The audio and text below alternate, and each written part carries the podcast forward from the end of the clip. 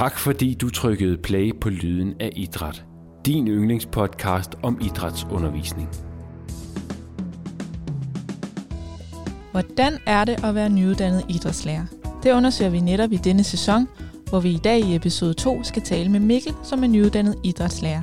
I kan blandt andet høre om Mikkels erfaringer med samarbejdet med kollegaerne, hvad der har været sværest, og til sidst høre hans bedste råd til andre nyuddannede idrætslærere.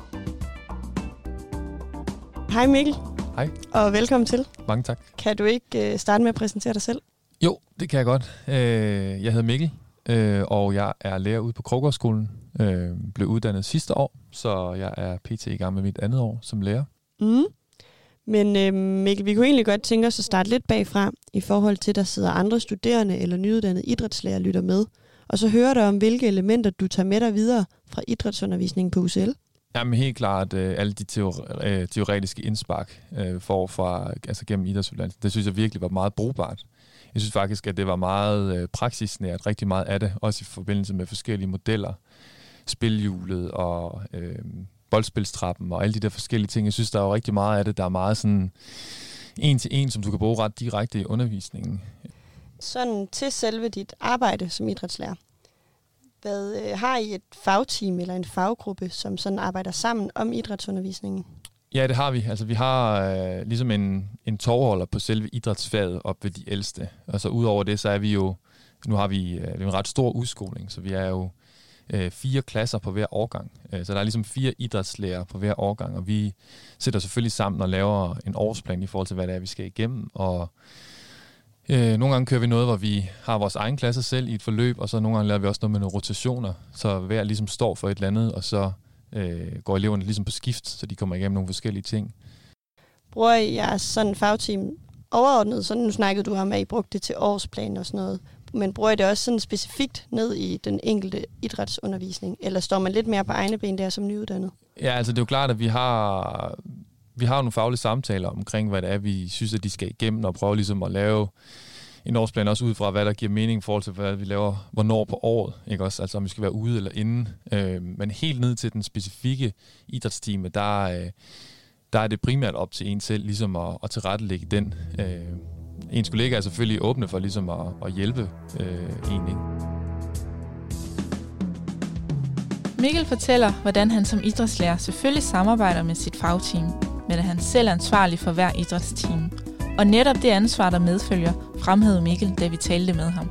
det fede ved at stå på egne ben, det er jo også, at man kommer fra et studie, hvor man i fire år har været rigtig meget i grupper, og også i ude i praktikker, hvor man har været rigtig meget øh, igennem gruppearbejde sammen med andre og ens øh, studiekammerater og sådan noget. Så det der med at komme ud og få en klasse selv, hvor det ligesom er, nu er det kun øh, mig, der har ansvaret for dem her. Og det, det tror jeg, der er, kunne jeg forestille mig, sådan har jeg det i hvert fald selv, mange, der synes er mega fedt at komme ud og endelig at, og få det der ansvar. Og nu er det altså min gruppe, nu er det ikke den der lærer, der sidder over i hjørnet og bare har givet opgaven videre til, til mig som gruppe, fordi det skal han. Men nu er det faktisk min opgave ligesom at, at føre dem her godt igennem den her idrætsundervisning over de næste tre år, hvis man det er syvende, man starter dem op i. Ikke?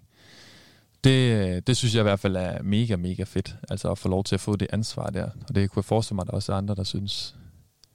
Og hvad tænker du sådan i forhold til, hvis man har nogle udfordringer med eleverne? Altså, hvad har du oplevet har været det svære, øh, når du arbejder med elever? Jamen det er jo blandt andet, at de har så forskellige forudsætninger, som de har. Altså, øh, der vi har jeg har jo alt fra, fra den elev, som har en, en undskyldning hver gang, ikke også til at øh, til en mega, mega dygtig håndboldspiller og elitesvømmer. Og, så det der med at, at fagne så bredt og kunne ligesom lægge en paraply, hvor alle kan være ind under og føle sig øh, set og, og tage sig af, det, det er sværere, end man lige umiddelbart skulle... Eller det lyder også svært, men mm. det, er altså, det er altså en ret stor opgave. Øh, men også en spændende en at løse, fordi det, det stiller også krav til en sådan didaktiske evner. Øh, så det synes jeg også er, det er en spændende udfordring. Mm.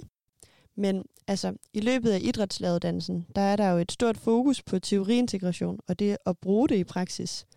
Og at der er den her generelle opfattelse af, at idræt ikke er et særligt teoritungt fag. Hvordan oplever du det ude hos dig? Jamen fuldstændig som du siger det. Altså det der med, at øh, hvis man nævner, i hvert fald første gang, jeg startede derude der med en 7. klasse sidste år også, Der er bare det at nævne ordet teori, eller starte med at sige, at vi skal læse noget. Sådan. Det er virkelig, altså det er, det er meget nyt for dem, og man kan godt mærke, at det ikke er noget, de som sådan er vant til.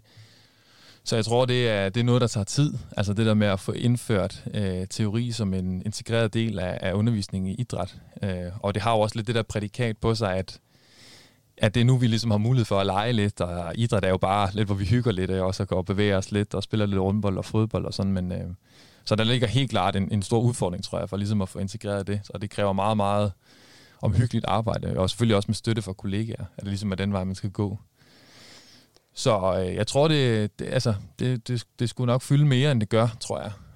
Det, det tænker jeg. Har du nogle konkrete bud på, hvordan du bruger teorien i din idrætsundervisning? Ja, men det kan eksempelvis være, men nu nævnte jeg nogle af de der modeller, som vi har for eksempel boldspilstrappen eller øh, spilhjulet og de der ting, ikke? hvor man ligesom kan, kan bruge dem helt konkret i forhold til, at de kan, hvor, hvor det bliver lidt fragmenteret, altså hvor de kan se på de enkelte elementer øh, i de øh, lege, vi laver for eksempel, og så kan prøve at arbejde med dem, eller de, de kan selv prøve at justere på en leg for eksempel, ved at ændre på enten tiden, eller øh, størrelsen på en bane, eller sådan nogle ting. Så det, øh, det, det, det synes jeg er ret gode faktisk, til ligesom at kunne prøve at, at inddrage dem der, og så den måde også ligesom få dem til at lære fagbegreberne til, til de forskellige discipliner. Mm-hmm.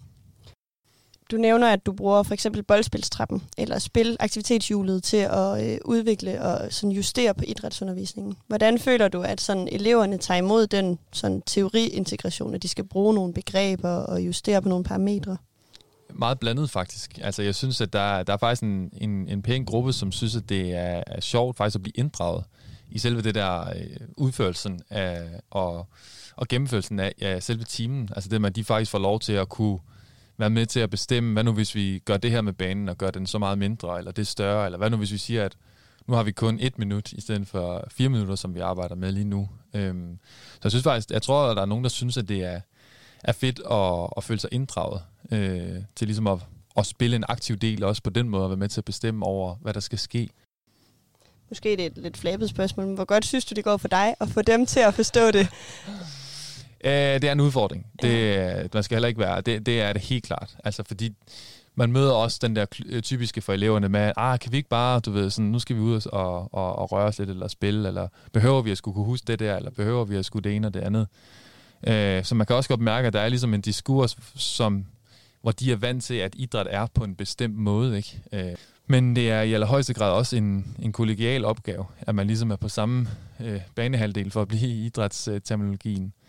Øhm, det er det helt klart, fordi at man kan ville nok så meget selv og, og ville det ene eller andet, hvis man ikke øh, har ligesom, hvad skal man sige, hele gruppen med og skolen og sine kollegaer, så, så tror jeg, det er lidt op ad bakke. Nu har vi hørt om Mikkels hverdag som nyuddannet idrætslærer, og han har delt sine erfaringer med os. Han fremhæver særligt det at arbejde med teori med sine elever som noget af det, der tager tid, og som man skal være tålmodig omkring. Han fremhæver også samarbejdet med sine kollegaer som noget af det vigtigste. Til slut skal vi lige nå at høre Mikkels to bedste råd, som han gerne selv ville have haft med i rygsækken som nyuddannet. Har du nogle, nogle gode råd til andre nyuddannede idrætslærer? Ja, altså det første råd skulle så være at øh, være tro mod den idrætslærer, du gerne vil være. Øh, helt konkret, gør de ting, du synes er fede. Øh, selvfølgelig med, med forbehold for, hvad der skal laves og sådan nogle ting, men grundlæggende øh, stå ved den idrætslag, du gerne vil være. Og det andet skulle være, at øh, vær ikke bange for at spørge om hjælp. Du har ofte en masse dygtige kollegaer, som har arbejdet med det her i mange år, og har noget mere erfaring, end man selv har. Og der kan komme rigtig meget godt den vej fra. Så at finde den der balance mellem at, at stå ved sig selv og være den idrætslærer, man gerne vil være, men stadigvæk at ture og række ud og spørge om hjælp til de forskellige ting, der nu kan være.